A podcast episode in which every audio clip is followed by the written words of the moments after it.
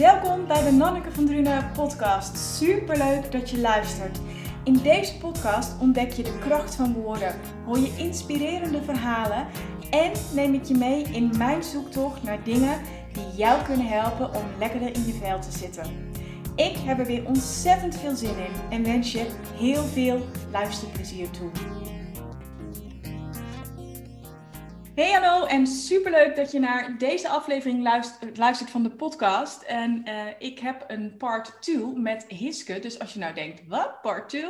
Luister dan eerst even de vorige aflevering waarin we kennis hebben gemaakt met Hiske. En zij al kort heeft verteld over human design, wat het is, wat je er eigenlijk uh, mee kan. En deze aflevering gaan we helemaal duiken in de human design chart. Tenminste, ik zeg wel helemaal, maar dat wordt een beetje too much. Dus we gaan op hoofd hoofdlijnen gaan we er uh, doorheen. Superleuk Hiske dat je dit wil doen. Uh, welkom ook in uh, dit gesprek. Ja, thanks. Leuk. Ja, ik heb er helemaal zin in. We gaan overigens mijn chart als basis nemen. Dus je leert mij ook meteen weer een stukje beter kennen. Als mensen nou hun chart ernaast willen houden, Hiske, waar kunnen ze dan terecht? Stel dat je denkt, oh, gemist, waar kunnen ze hem opvragen? Ja, het meest makkelijk is denk ik myhumandesign.com. Dan kun je bovenin de bal kun je daar je chart aanvragen. Daar heb je je geboortedatum, je geboorteplaats en je geboortetijd voor nodig. Het liefst zo specifiek mogelijk. Uh, en dan krijg je daar een plaatje uit. En als je die ernaast hebt, dan uh, snap je iets beter waar we het vandaag over gaan hebben. Precies. Ik pak de mijne er ook bij, zodat ik zelf ook uh, weet waar we het zeg maar over hebben als jij begint te kletsen.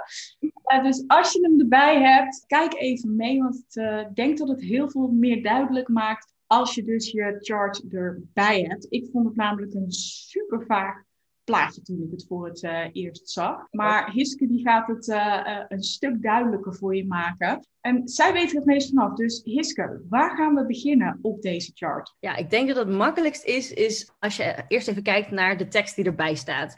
Dus je type. Je type is eigenlijk het hoogste niveau waarin je al heel veel kunt leren over jezelf. Hoeveel types zijn er? Er zijn vijf types. Uh, afhankelijk wie het vraagt, maar er zijn vijf, laten we zeggen, vijf types. Ja. En die hebben ook eigenlijk allemaal hun eigen rol in uh, de samenleving. Ja. Dus om het even kort uit te leggen, human design is heel erg belangrijk dat eigenlijk iedereen, als jij doet wat er voor jou belangrijk is, dus eigenlijk waar jij hiervoor bent, dan kun jij anderen daar weer mee helpen. En een van de types is bijvoorbeeld de manifester.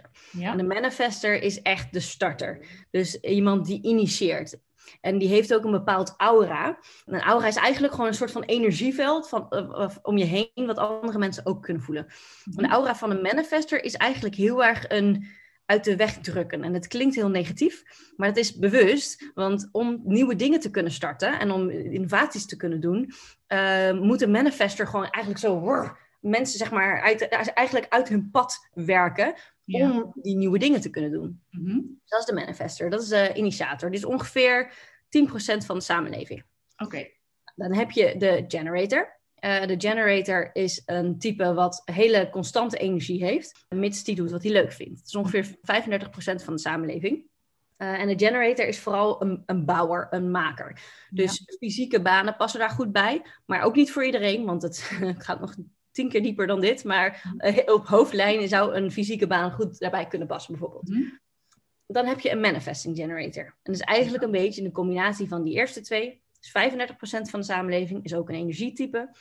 Um, die heeft ook veel energie, maar die schakelt wat sneller dan een generator. Dus een generator, zeg ik altijd, is een, um, een beetje een vrachtwagen. Dus op het moment dat hij helemaal op gang is, dan is het boem, weet je wel, dan gaat hij door. een dieseltje, zeg maar. Dieseltje, ja, ja, generator, ja. Ja. Uh, eigenlijk is het vrij letterlijk natuurlijk. En een manifesting generator, zeg ik altijd, is iets meer een Tesla. Dus Ja. die kan wat sneller bijsturen. Die, ja, die heeft eigenlijk een beetje de combinatie van dat uh, manifester uh, starten en de generator volhouden en, en, en dingen creëren. Mhm. Dan heb je de projector. Dat is 20%. Dat ben jij, Nanneke. Jij bent de projector. en de projector is eigenlijk um, een soort van de ziener.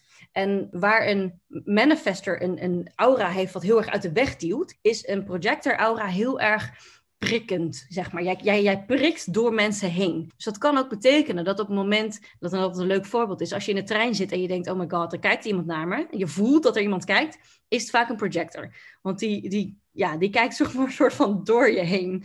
En dat is een super mooie eigenschap, maar dat kan ook vervelend zijn voor mensen. Want eh, hallo, ehm, je kent mij niet, ga mij hier niet zitten. Alleen je ziet, je ziet dus echt meer dan andere mensen. Dus dat is een projector. Dus die ziet eigenlijk ook hoe dingen beter kunnen. Hoe, hoe mensen beter hun energie kunnen gebruiken. Dus projectors zijn bijvoorbeeld heel veel coaches. Mhm. Ehm, dus ja, dat is, dat is wel... En, en hoeveel procent is projector? 20, 20 procent. Ja. En eh, in de komende tijd gaat er steeds meer, want nu is er eigenlijk 70% samen van die energietypes. Mhm. Want de manifesting generator is in de basis ook een generator. Ja. En die twee samen zijn 70%. Alleen eh, wat we merken is dat die mensen hun energie niet goed richten. Mhm. En dat is waar projectors heel handig voor zijn. Want projectors kunnen daar heel erg mee helpen om bij te sturen. Dus dat is ook de voorspelling, is dat de komende jaren steeds meer projectors geboren zullen worden. Om te zorgen dat die, ja, die krachtige energie ook goed gebruikt wordt voor de wereld eigenlijk. Oké. Ja. Eh, en dan heb je als laatste type, en dat, dat zijn de unicorns, dus anderhalf procent, dat zijn de reflectors. En de reflectors zijn eigenlijk een soort van spiegels van de samenleving eh, en van, van de community waarin ze ja, leven. Dus op het moment dat jij in een community zit waar een reflector is en een reflector voelt zich niet goed en is ongezond en, en is eh, ziek en dergelijke, dan is het een reflectie van ehm, de groep mensen waar de reflector zich in omgeeft. Dus eigenlijk een soort van thermometer van hoe het gaat met de gezondheid van een community. Ik kan me voorstellen dat die het het afgelopen jaar heel zwaar hebben gehad. Dat kan zeker, ja. ja. Kijk, elk, elk type heeft zijn eigen uitdagingen. Ja. Ehm, en het voordeel van een reflector is, ze zijn heel gevoelig. Mhm. Maar ze, worden, ze hebben ook een aura dat hen beschermt tegen conditioneringen. En niet volledig, hè. Maar wel eh, anders dan bijvoorbeeld eh, de andere types. Omdat zij zo open zijn, hebben ze, nou, tenminste, als ze al een beetje weten hoe ze werken, zullen ze waarschijnlijk eh, wat meer de natuur hebben opgezocht. Ja, en daar is afgelopen jaar natuurlijk wel weer heel goed in geweest. Dat je meer thuis mocht werken en meer in je eigen aura kan zijn. Ja. Dat is voor een reflector juist wel weer heel erg fijn. En afhankelijk van of hij een goede groep mensen om zich heen heeft, waar hij zich prettig bij voelt, ja, dan zal een reflector ja, niet eens per se last van het afgelopen jaar hebben gehad. Oh, mooi. Hey, en als jij nou eh, dit tegen klanten zegt, in, in hoeverre zeggen mensen dan meteen, oh ja, dat ben ik? Half-half.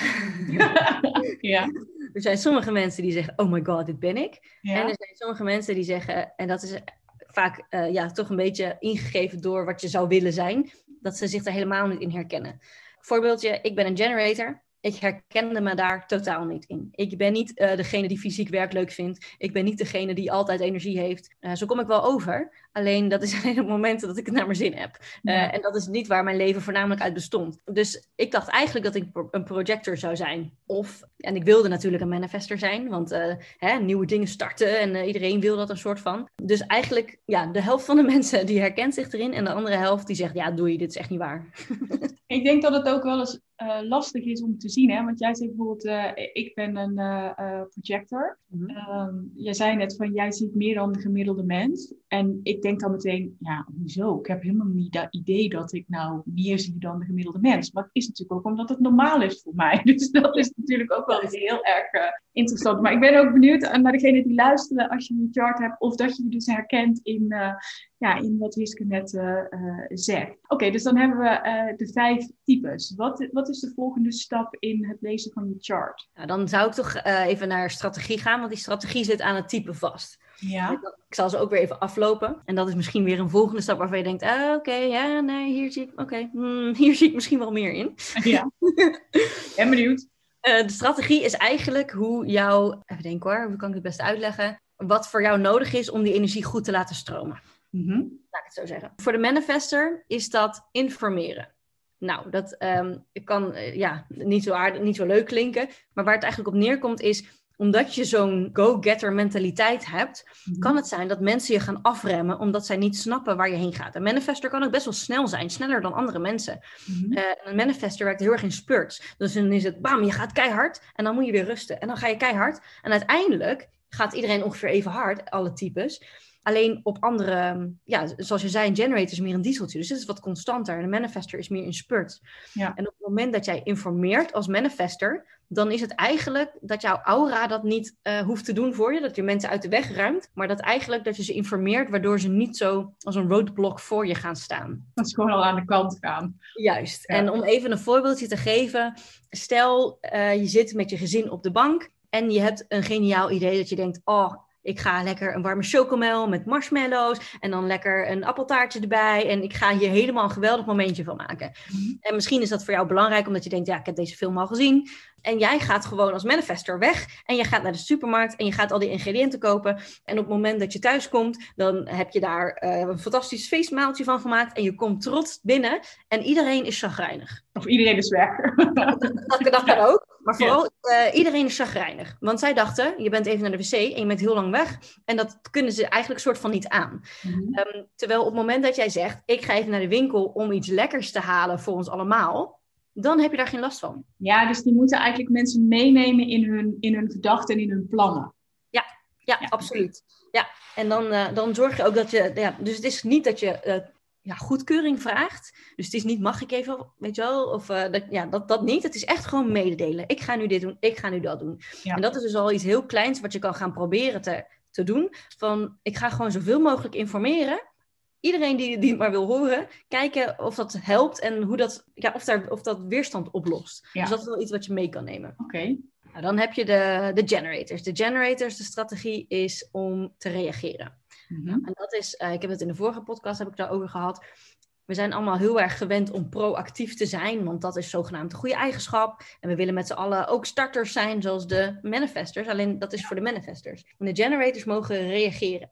En reageren is eigenlijk dat je alles wat je tegenkomt, daar kun jij een reactie op krijgen, een respons op krijgen. Mhm. Dus stel, ik zie een kop, thee, kop thee staan en denk ik, oh, ik heb zo'n zin in een kop thee. Dat is een reactie. Maar het kan ook zijn, jij stelt mij een vraag en ik reageer daarop.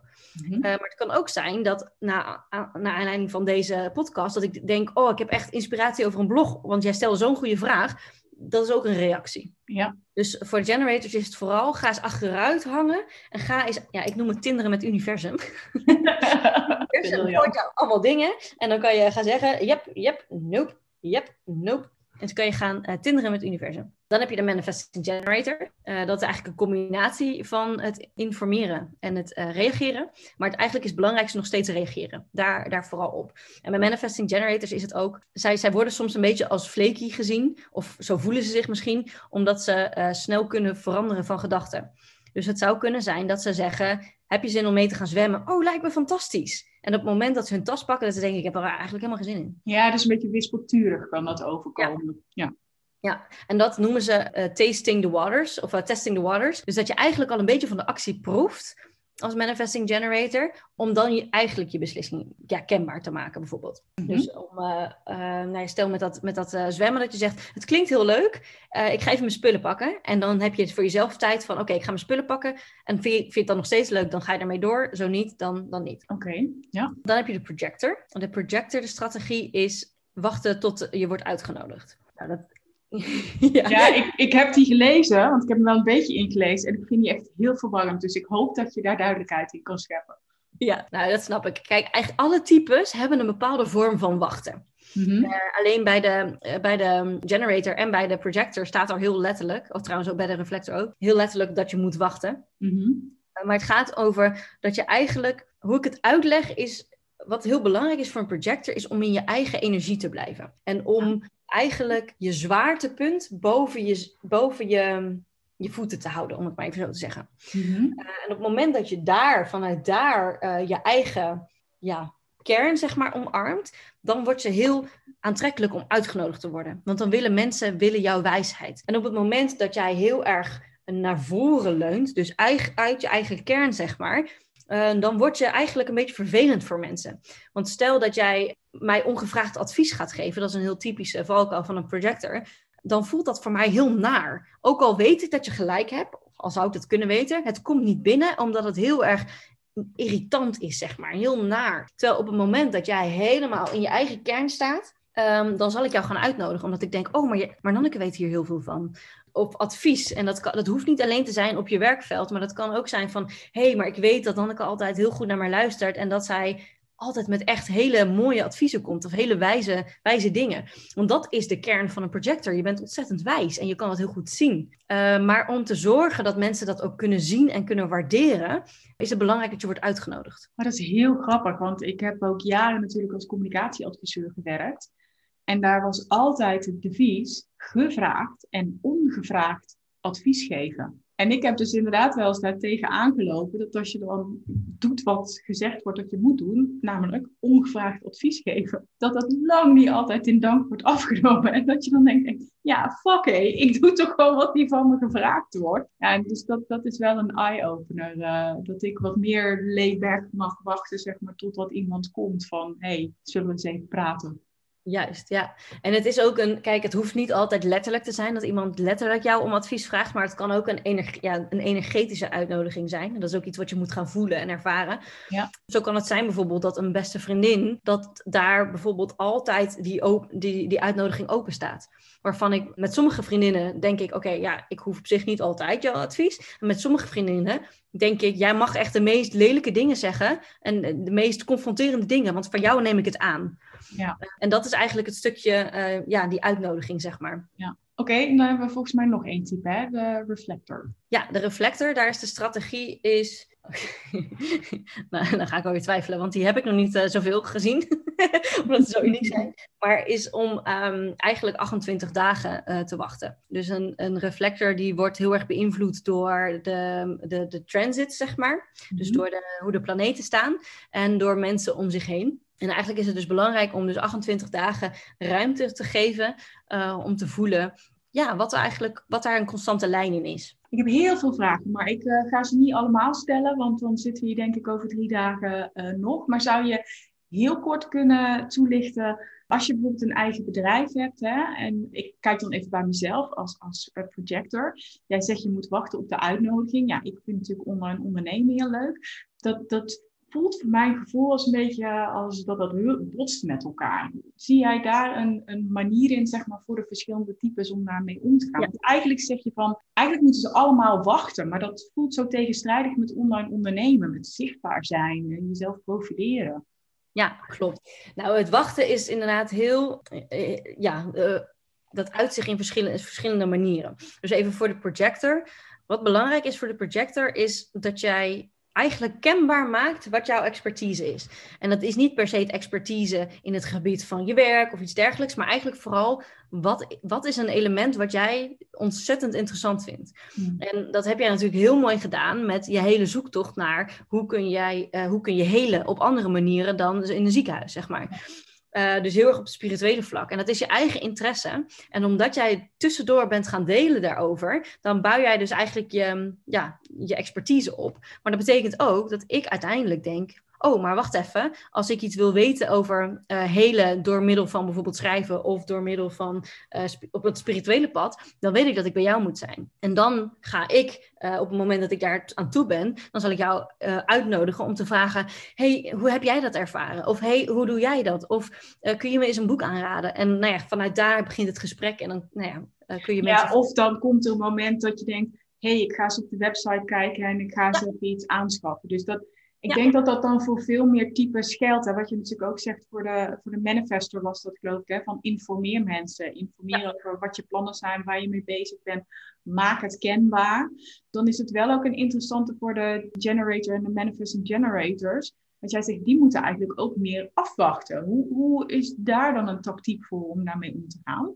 Ja, en dat is eentje waar ik zelf ook mee aan het experimenteren ben. Maar wat voor mij heel erg werkt, is uh, op het moment dat ik ergens aan van ga, dan heb ik die energie. En dat is ook het belangrijkste stukje van de generator, een manifesting generator, door te reageren op dingen. En wat je eigenlijk heel makkelijk kan doen, is in gesprek gaan met je klant. Dus dat kan je doen door te zeggen: hey, ik, uh, ik wil graag vijf mensen spreken die tegen dit of dat aanlopen, of die zou ik eens mhm. willen interviewen. Nou, daar begint het mee. En op het moment dat je uh, zeg maar daarop reageert, dan kan ik bijvoorbeeld zeggen: Ik heb zo'n tof gesprek gehad met Nanneke over dit en dit. En het, uh, ik ging eraan denken over hoe dat zou werken met, uh, nou ja, ik zeg maar wat, uh, human design in je business. Ja. En dan krijg je daar weer een reactie op. En dan zegt iemand: Oh, maar ik als manifester merk dit en dit en dit. En dan raak je in gesprek. En dan heb ik nieuwe content wat ik weer kan ah, delen daarover. Ja, en dan krijg je een sneeuwbaleffect. Ja, oké. Nou, super interessant. Dan hebben we deze gehad. Ik nog even een uh, random, of misschien niet zo random vraag uh, tussendoor. Je hebt natuurlijk uh, de Law of Attraction, de wet van de aantrekking, waar je veel over hoort. En dan gaat het natuurlijk over manifesteren. Jij zegt net, een van de types is een manifester. Mm -hmm. um, Betekent dat nou dat de rest niet kan manifesteren? Of hebben we allemaal een eigen vorm van, van manifesteren? Even voor als mensen zich nou zorgen maken en denken: ik ben een generator en dan kan ik nooit meer manifesteren in mijn leven. nee, gelukkig niet. Nee, de manifester is de, de reden dat het, dat het eh, zo heet, is omdat hij een directe lijn heeft van dingen in de wereld zetten. Omdat hij dus mhm. snel een, een korter lijntje heeft, zeg maar. Uh, in principe kan sowieso iedereen creëren en in de wereld zetten.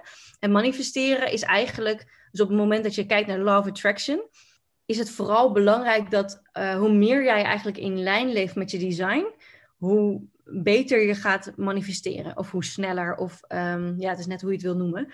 Dus uh, ook voor Love Attraction werkt dat op dat gebied. Dus hoe dichter je in je design leeft, dus daar kan het bij helpen, uh, hoe, ja, hoe sneller je gaat manifesteren eigenlijk. En je hebt specific, non-specific manifestors. Staat dat ook in je Human Design Chart? Ja, dat klopt. Moet ik even, even kijken dat ik het goed zeg. Als je de chart hebt opgevraagd, dan zie je pijltjes bovenin naast je hoofd staan. Ja. Dus je hebt twee links en twee rechts. En twee zijn rood en twee zijn zwart. En als je dan um, de tweede zwarte, dus rechtsonder is dat, mm als die naar links gaat, uh, dan ben jij een specific manifester.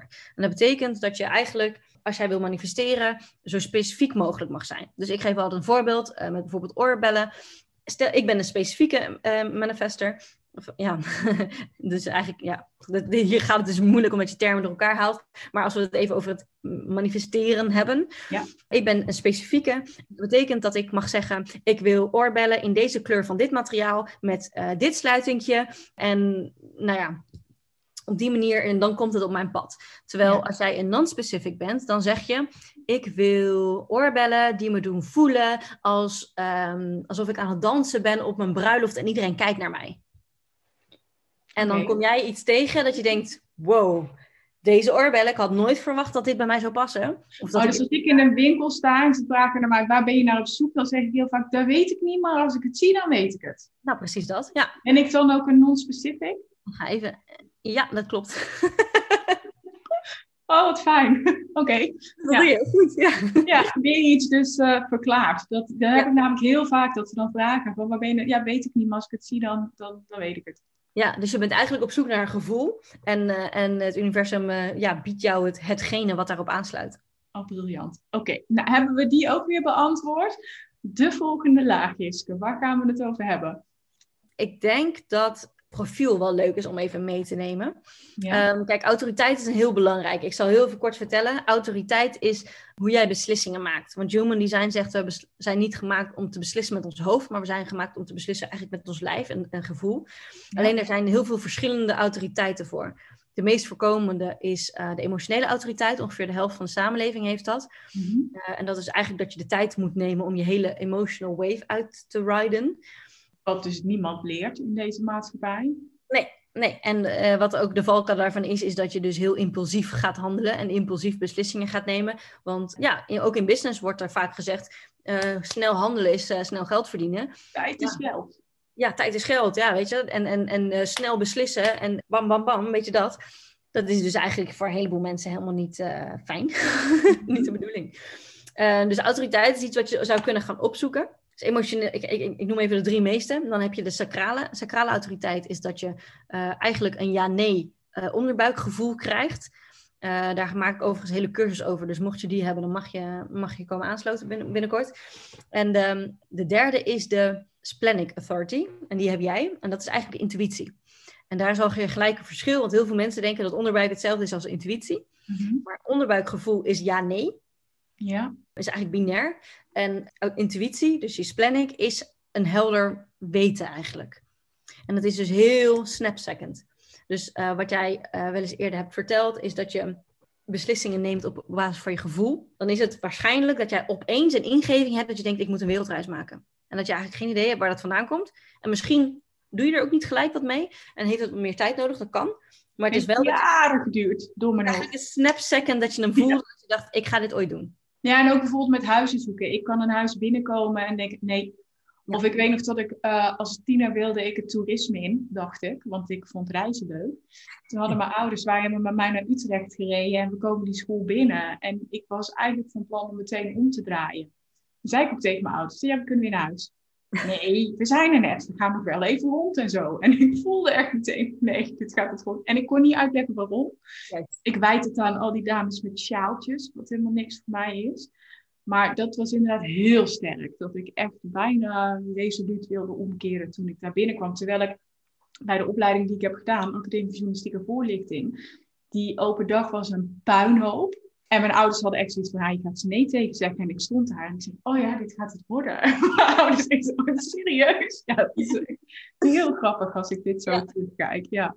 Ja, en dat is ook precies de woorden die mensen gebruiken met dit centrum. Is, uh, ik weet niet precies waarom, maar dat is duidelijk je intuïtie. Ja. Dus, en bij jou is dat ook je autoriteit, dus jij mag daar ook op vertrouwen. Uh, dat het je altijd de juiste, juiste richting op beweegt. Mooi. Ook wel lastig, want je zegt net ook uh, split second. En dat betekent dus wel dat je uh, heel erg in je lijf mag zijn en mag voelen. En ik heb jaren in mijn hoofd geleefd. Ik ben natuurlijk de afgelopen nou ja, jaar, denk ik, echt bezig door Reiki en breathwork om meer in mijn lijf te zakken.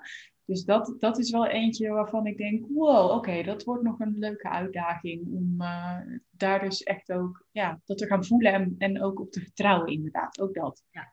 Ja, en dat is het inderdaad, het vertrouwen. En hoe vaker je eigenlijk het vertrouwen volgt, of tenminste, um, hoe noem je dat? Nou ja, dat je in elk geval je ingeving volgt, hoe sterker dat vertrouwen ook wordt. En hoe sterker eigenlijk je antennetje wordt van, hé, hey, maar wat zegt mijn intuïtie?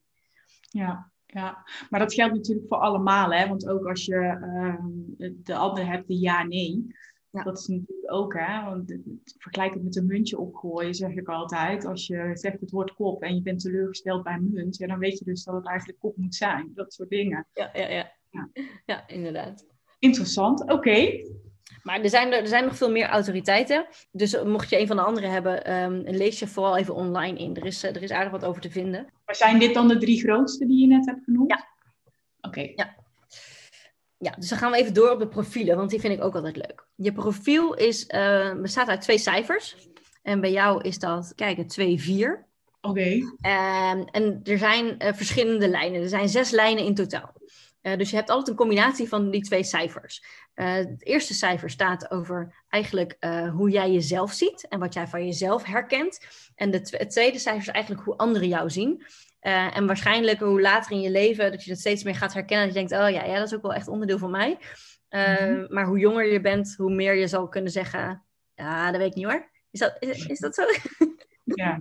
dus ik ga ze even chronologisch af. Ja. De eerste lijn, de eerste lijn is, ik ben een 1-3, dus mijn, ik heb ook de eerste lijn. Uh, dat gaat over de onderzoeker. Dus uh, iemand die heel erg van houdt om uh, eigenlijk overal diep in te duiken.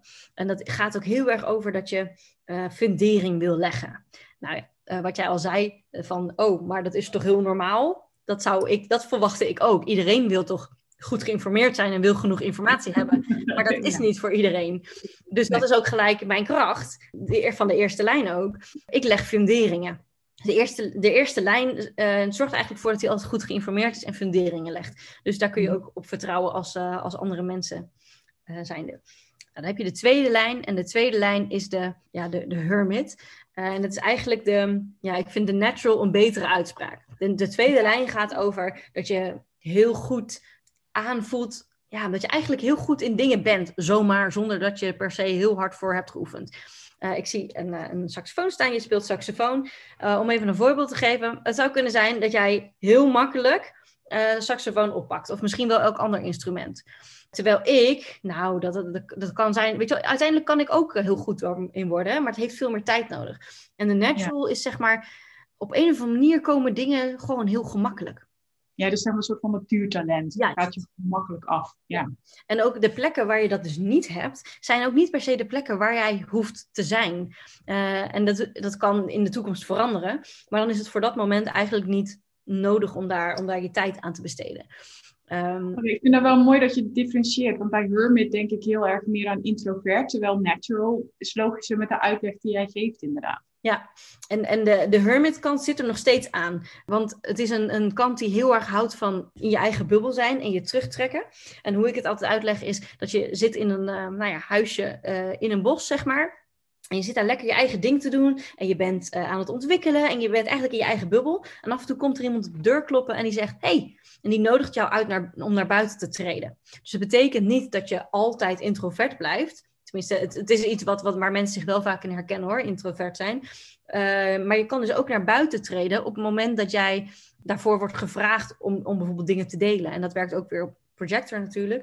Um, en op het moment dat je wordt uitgenodigd, kun jij beslissen van oké, ga ik mee naar buiten en um, ga ik zeg maar mijn, mijn kennis delen? Of denk ik, maar het voelt niet goed en ga je weer terug naar binnen? Dus het is altijd aan jou om te beslissen aan de deur met je autoriteit, wil ik dit wel of niet? Dus deurtje open, deurtje dicht. Juist, juist. En gewoon ja. weer door het spionnetje kijken, ja. wie is daar? Nee, die wil ik niet. Ja, precies. precies. Dus dat is het stukje wat nog de hermit, zeg maar. Oké. Okay. Um, dan heb je de derde lijn. En de derde lijn is de, eigenlijk de, de experimenter. De, de, degene die leert door te vallen en opstaan. In zekere zin leren we allemaal uh, door, te, door ervaringen. Maar de derde lijn, ja, die is eigenlijk heel goed in ontdekken wat niet werkt. en dat is dus ook um, ja, het, het, typische vallen, vallen en opstaan eigenlijk. En, en als je dus uh, een derde lijn ergens in, jou, in jouw leven hebt, uh, of misschien een vriendin die dat heeft, die kan jou heel goed vertellen wat er niet werkt, zeg maar. Oké. Okay. Dat is echt het ervaren, het doen, het leren door te doen. Don't try this at home, zeg maar. Yep, yep. Ja. um, en, maar ook gelijk degene die zegt, ja, ja je, je, kan je wel doen, maar ja, ik kan je wel vertellen dat het niet werkt. Oké, okay, ja. En met veel levenservaring. Ja. Dan heb je de vierde lijn. En de vierde lijn, uh, die heb jij ook. Dat is de, mm-hmm. ja, de opportunist. Maar uh, ik vind een netwerker een betere beschrijving. En een netwerker is eigenlijk, een vierde lijn, is iemand die heel goed met mensen is en dat ook heel prettig vindt. Dus dat is heel grappig, want jij hebt zowel de introverte kant en de, de extraverte kant. Oh, herkenbaar dit. je vindt het dus heel fijn om bij mensen te zijn, maar het is wel heel belangrijk wat voor mensen. Dus, dus je bent wel kritisch op welke mensen dat zijn. Maar je bent echt een soort van lijm en cohesie tussen de groep. Uh, dus je kan mensen heel goed verbinden. Maar wat ook heel grappig is aan een netwerker, is dat jij dus ook je opdrachten waarschijnlijk heel veel uit je netwerk haalt. En niet zozeer omdat je daar heel erg uh, bewust in investeert, maar gewoon omdat dat zo gebeurt. En dat is precies de kracht van die vierde lijn. Dat opeens iemand jou vertelt: Oh, grappig, ik ben toevallig bezig met. Dat is precies hoe de vierde lijn gaat. Oh, maar zo ben ik. Dan zegt iemand iets en dan zeg ik, oh, maar daar kan je die wel mee helpen. Ik breng jullie wel even in contact, ja. weet je. Of dat ik iets voorbij zie komen, zeg oh, dat is echt iets voor die. En dan even die taggen. Ja, daar ben ik echt een voeten uit. Maar andersom ook. Ik... Andersom ook. Ja, precies. Ja, dus ook dat, dat, dat introverte en dat extraverte, ja, dat is ook echt precies, uh, precies ik. Ja, en, en uh, dat is gewoon ook een hele mooie lijn. En het is een hele ja, harmonische lijn, zeg maar. Heel erg uh, op het gebied van mensen. Leuk. Oké, dan hebben we nog een vijfde en een zesde, hè? Ja. De vijfde lijn is ja, de problem solver. En de vijfde lijn is uh, een beetje een bijzondere, omdat het. Um, er zit ook een soort van ja, projectieveld tussen. Dus op het moment dat iemand een vijfde lijn heeft, dan kunnen mensen bijvoorbeeld heel goed zien waar iemand heel goed in is. Dus stel, een vriendin van mij heeft een vijfde lijn, dan zie ik heel goed haar kracht en waar zij heel goed in zou kunnen zijn. Alleen, ik zie ook altijd een stukje projectie van mezelf. Dus het zou okay. kunnen zijn dat ik zie, oh, zij kan zo goed uitleggen en zij is zo goed op camera en oh, dat doet zij zo goed. Dan zou ik een klein stukje kunnen projecteren van mezelf. Stel, ik zou het heel leuk vinden om in de televisiewereld te werken. Dan zou ik kunnen projecteren op haar van, oh, jij moet echt de televisie televisie in. Terwijl zij denkt, uh, hallo, ken je mij überhaupt? Dus ja. het kan zijn voor een vijfde lijn dat je niet altijd volledig gezien wordt. Want. Ja, dat is dus ook heel erg afpellen wat van jou is en van die ander. Ja, ja, precies. Dus, dus ook opmerkingen als van, oh nou, dat vind ik helemaal niet bij je passen. Dat is heel typisch uh, wat een vijfde lijn kan horen. Dat je denkt, ja maar hallo, je bent mijn beste vriendin. Je kent me al uh, 30 jaar, wat de heck, weet je wel. Okay, dus dat is ja. een typisch, typisch stukje voor vijfde lijn. Dus dat kan soms eenzaam voelen, maar ja. tegelijkertijd is de vijfde lijn ook echt een, een problem solver. Dus dat is ook echt, nou, die, die weet gewoon altijd uh, dingen op een andere manier te benaderen, zeg maar.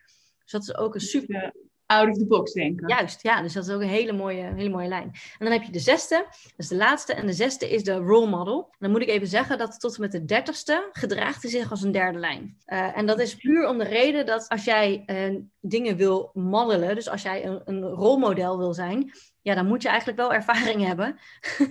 dus daar zijn die eerste 30 jaar voor. Dus die eerste 30 jaar ga je heel veel ervaring opdoen en vallen en opstaan wat wel werkt en wat niet werkt. En dan ga je, ja, ze noemen dat on the roof. Dan trek je je eigenlijk een soort van terug en dan ga je um, bekijken wat, er, wat je allemaal hebt geleerd en hoe je dat kan delen met anderen. Heel een, een heel natuurlijke ja, autoriteit eigenlijk. En dan heb ik het niet over waar je beslissingen van neemt, maar hoe iemand jou kan, kan zien, zeg maar. Oké, nou mooi. Volgens mij hebben we dan nog op de chart die, uh, zeg maar, chakra-vlakjes, om het maar even zo te zeggen. Hè? En wat ik bij de mijne zie, is dat sommige gekleurd zijn en sommige wit. Wat, wat houdt dat in? Ja, en dat is, dat is gelijk waar, de, waar de eerste complexiteit een beetje begint.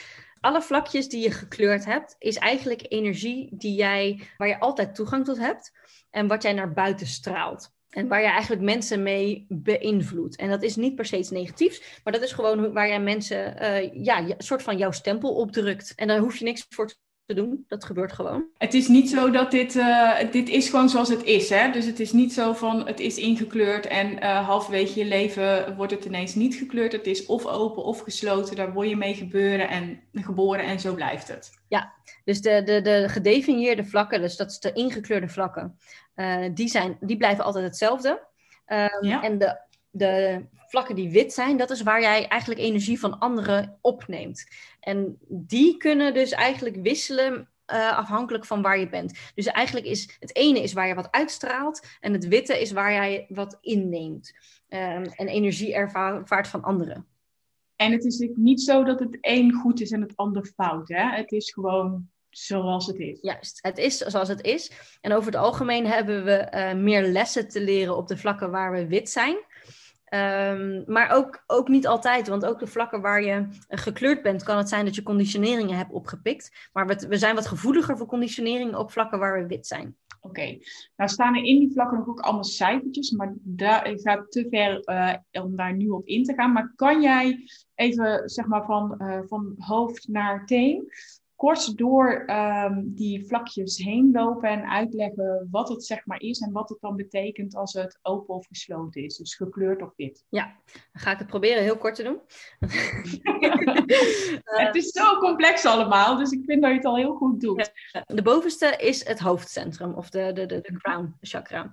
Uh, en dat gaat eigenlijk over inspiratie. Dus op het moment dat je dat gevuld hebt, betekent dat dat jij op de bank kan zitten en inspiration just hits you. En jij kan, hebt altijd ideeën en dat is een, een, een, een constante stroom.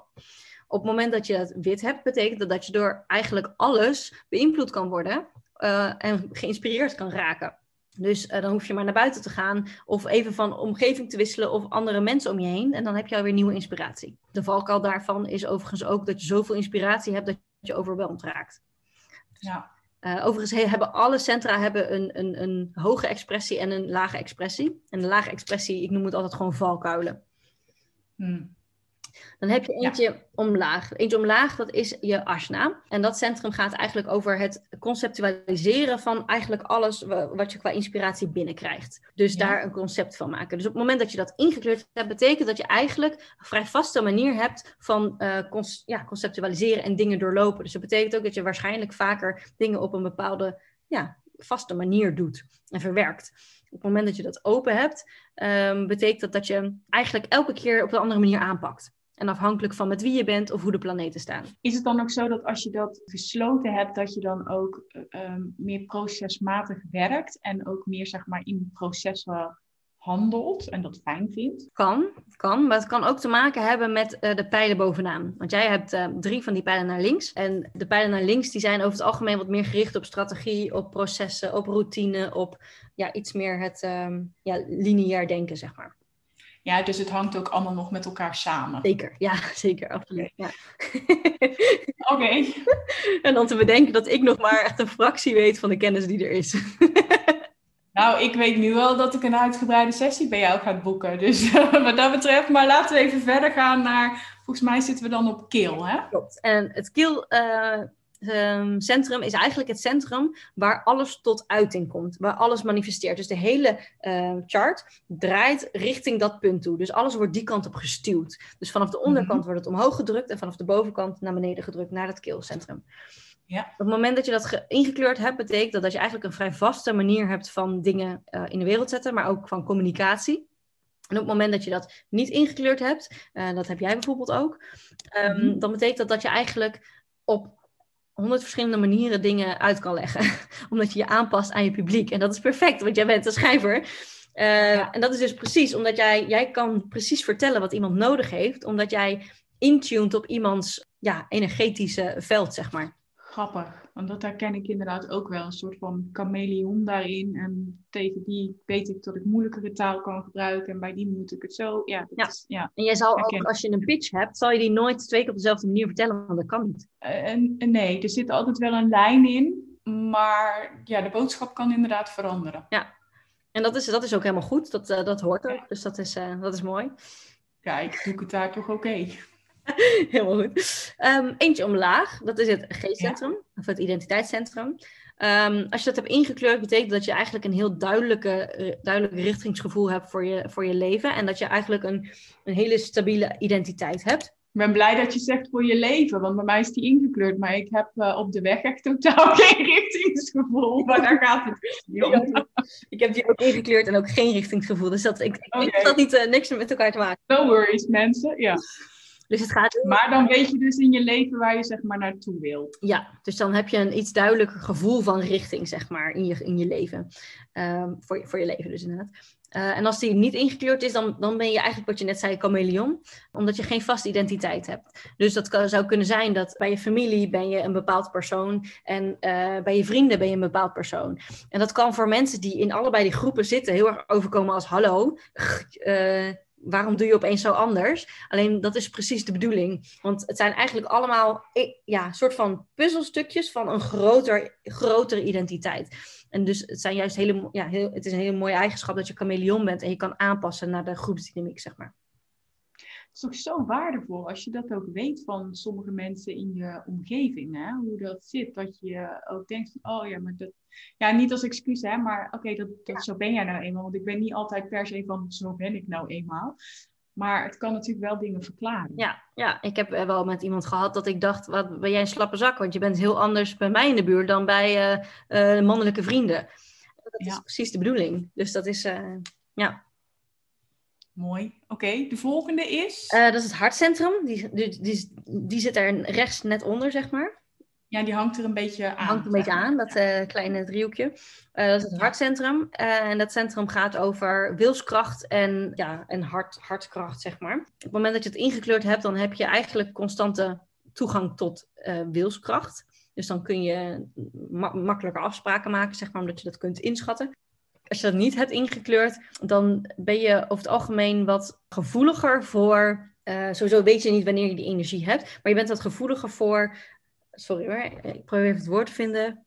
Jezelf bewijzen, zeg maar. Um, dus je bent wat. Het gaat ook namelijk over waarde. En waarde voelen en waarde herkennen. Dus op het moment dat je het niet hebt ingekleurd, kan het zijn dat op het moment dat je bij mensen bent die dat wel hebben ingekleurd, dat je heel erg bewijsdrang krijgt. Nou, en daar is dan gelijk de grootste les van. Um, je bent altijd waardevol. Met, wel, met wie je ook bent, je bent altijd waardevol. Punt. Er is geen. Ik denk dat hier bij mij ook wel een stukje conditionering zit. Met, en ik heb heel lang heel veel dingen op wilskracht gedaan. Want je moet door en je moet dingen doen en je moet het zo doen. En dat, maar ook wel merken dat ik daar natuurlijk gewoon uh, kapot aan ging. Ja. Dus dat, uh, ja, dat, dat is er wel eentje die ik in die zin herken dat ik me daar niet altijd aan hou. Nee, ja, en als projector heb je ook niet uh, constante toegang tot energie. En uh, je werkt veel sneller, dus in, in die end maakt het niet uit. Alleen het is wel dat je, stel dat jij vier uur op een dag uh, kan werken en dat je daar goed en productief bent, dan heb je in vier uur evenveel bereikt als iemand die als een generator een beetje doortuft in acht uur. Alleen dan moet je niet proberen dan nog daarna die vier uur toch door te gaan, want dan maak je jezelf eigenlijk ja, kapot, zeg maar. Ja, en dat herken ik dus wel, uh, omdat dat natuurlijk wel de norm is. Je werkt gewoon acht uur op een dag. En dat, dat uh, ben ik de laatste tijd heel erg veel mee aan het experimenteren. Van als ik nou minder werk op een dag en wat meer de tijd neem om andere dingen te doen, hoe voel ik me dan? Maar dat is echt nog work in progress, zeg ja, maar. Ja. Maar dat is wel heel mooi, want dat is precies inderdaad waar, waar Human Design om draait. Dus het gaat proberen en ervaren. En, en wat doet dat met jou? En wat zijn de voordelen? En wat werkt wel voor je? Wat werkt niet? Ja, leuk. Oké, okay. dat was hard. Dan gaan we naar... Het vierkantje uh, in het midden. Dus de tweede van onder. Okay. Ja. Dat is het sacrale centrum. Uh, op het moment dat je dat hebt ingekleurd, ben je bij voorbaat of een generator of een manifesting generator. Oké. Okay. En dat betekent, dat is het centrum dat, dat dus eigenlijk de ja-nee antwoorden geeft. dus het mhm. onderbuikgevoel. Op het moment dat je dat niet hebt ingekleurd, betekent dat je eigenlijk geen constante toegang hebt tot uh, duurzame energie. Als die wel is ingekleurd, heb je daar toegang toe tot mits je doet wat je leuk vindt. okay, dus het eigenlijk geldt voor elk type luister, ja, het klinkt zo gek, maar luister naar je energieniveau en volg dat. 100%, ja, absoluut. Ja, het kan heel veel informatie bevatten. Ja, oké. Ehm, links daarvan is uh, de spleen. De spleen is het mailcentrum, gaat over intuïtie en overleven. Op het moment dat je die ingekleurd hebt, betekent dat dat je ja, eigenlijk ook uh, toegang hebt tot die intuïtieve hits. En dat betekent dat je een vrij stabiele immuunsysteem hebt. Op het moment dat je dat, ja, het gaat ook over angsten bijvoorbeeld. Dus op het moment dat je dat niet ingekleurd hebt, kan het zijn dat je angsten van anderen overneemt. Uh, maar ook dat je zelfs ziekte van anderen kan overnemen. Dus op het moment dat jij ziek bent, en, of stel dat er een partner van jou heel erg ziek is, en jij houdt te lang vast aan dat soort energie, dan kan het zijn dat jij dezelfde symptomen krijgt. Terwijl jij niet eens uh, eigenlijk ziekte, ja, het is eigenlijk niet van jou, zeg maar. Ja. Um, oh, Maar het is ook gelijk het centrum dat als je dat niet ingekleurd hebt, dat je uh, bijvoorbeeld een mediumship kan, uh, ja, medium kan worden. Of uh, omdat je ja, echt kan intappen op, op die energie van anderen. Ja, juist omdat je dan zo open staat. Ja, ja oké. Okay. Helder. Nou, daartegenover, dus, dus aan de andere kant van het sacrale centrum, dat is het emotionele centrum. Als je dat ingekleurd hebt, betekent dat eigenlijk dat je een emotioneel persoon bent. En hier is dus waar de, nou, vind ik, de meeste uh, verwarring ontstaat. Want op het moment dat je dat niet ingekleurd hebt, dan neem je de emotionele energie van anderen op en dan versterk je het. En wat word je dan? Emotioneel en hmm. gevoelig. En dan krijg je dus vaak opmerkingen van, tenminste, dat is wat ik heb ervaren.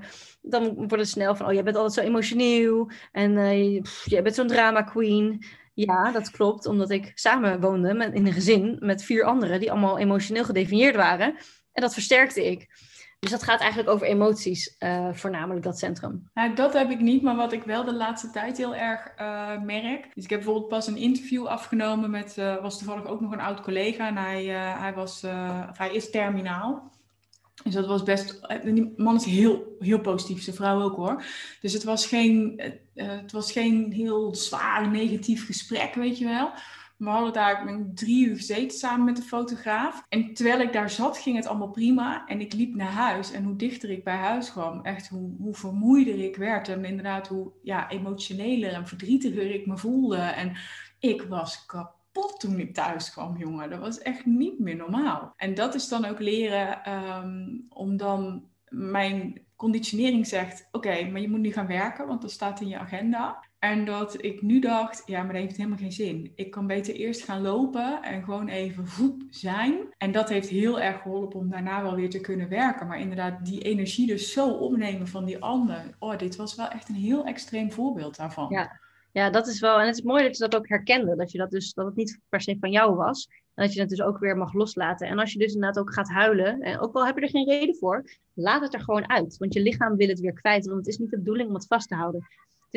Dat heb ik met de paardencoaching gehad. Toen moest ik heel erg hard huilen. Echt vanuit mijn tenen, jongen. En ik dacht echt van... Nou, ik zei ook letterlijk, maar dit is niet van mij. Terwijl ik best wel het een en ander mee had gemaakt. En weet je, wat dat betreft was het heel logisch geweest als het, als het van mij was. Maar zo duidelijk dat ik voelde, ik ben nou gewoon shit van anderen aan het loslaten of zo. Wat ik echt heel gek vond. En nu jij dit zegt, denk ik, oh, dus eigenlijk is het heel logisch. Ja, en nou gaat mijn, eh, mijn, mijn eh, radartje gaat aan. Kippenvel. Mijn kippenvel gaat aan.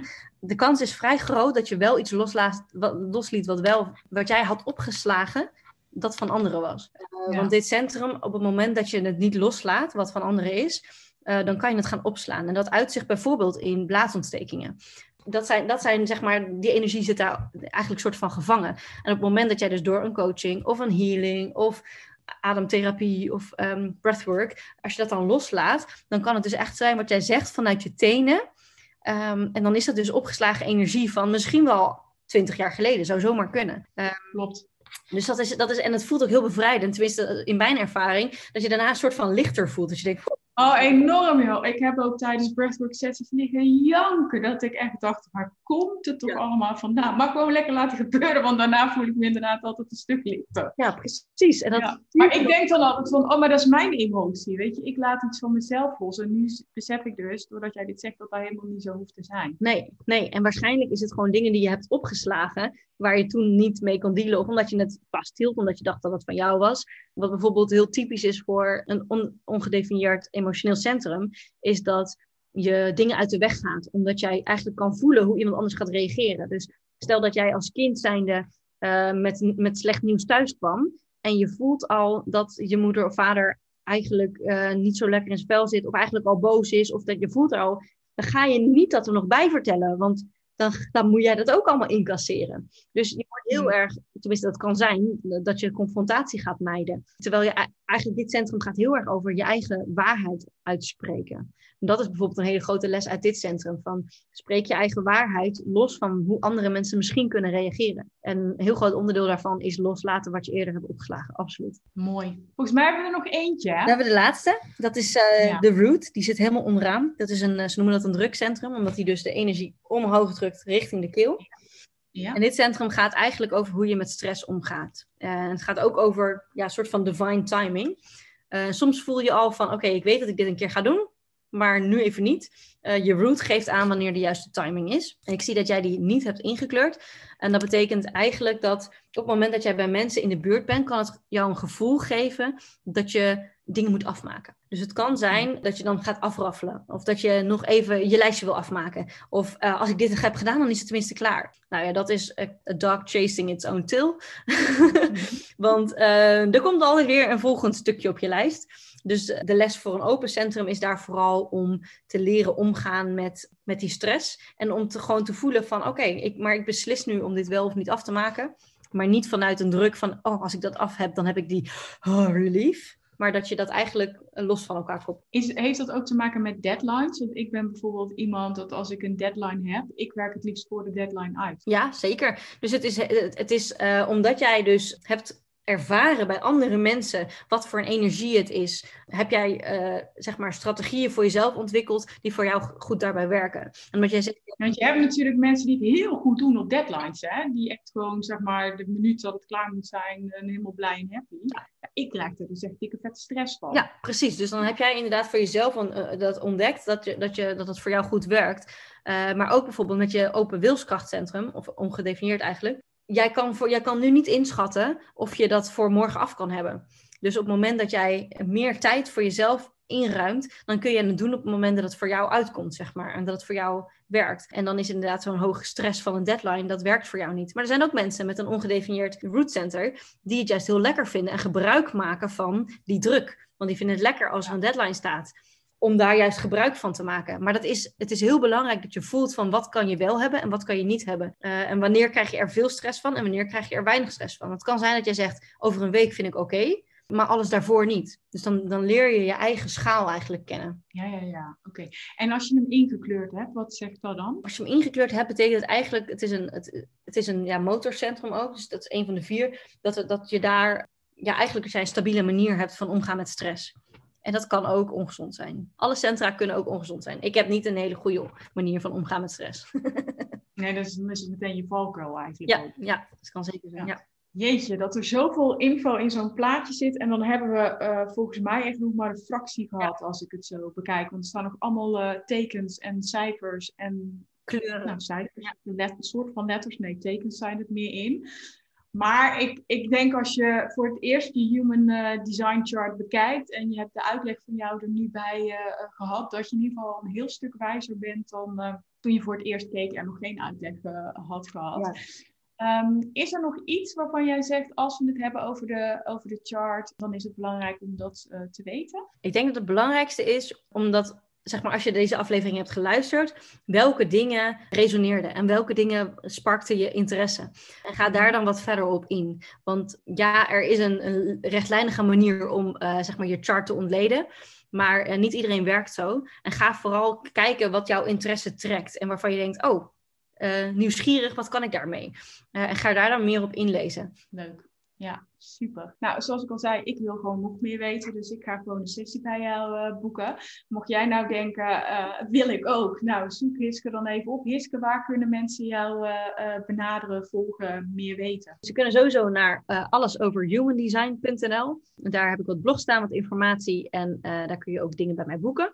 En je kunt kijken op Instagram. En daar ben ik vrij regelmatig te vinden. En vooral op stories. En dat kun je, dan kun je me vinden op komorebi.hd. En dat schrijf je K-O-M-O-R-E-B-I.hd van Human Design. En daar deel ik ook een heleboel informatie over Human Design. Ah, super tof.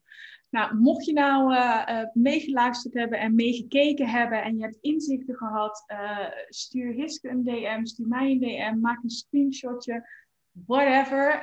Um, ik weet niet of dat je nou je Human Design chart wilt delen, want andere Human Design gekkies zoals Hiske, die weten dan natuurlijk meteen een heel stuk meer over jou. Maar uh, ja, superleuk. Dankjewel Hiske voor je, voor je uitleg. Ik hoop echt dat het mensen meteen een heel stuk duidelijker is geworden wat ze zien als ze naar hun uh, chart kijken. Dankjewel. Graag gedaan, leuk. Ja, super. En dan uh, wens ik je namens Hiske en mezelf wil ik je bedanken dat je geluisterd hebt naar deze aflevering. En wil ik je ook nog een hele fijne dag toewensen. Doeg!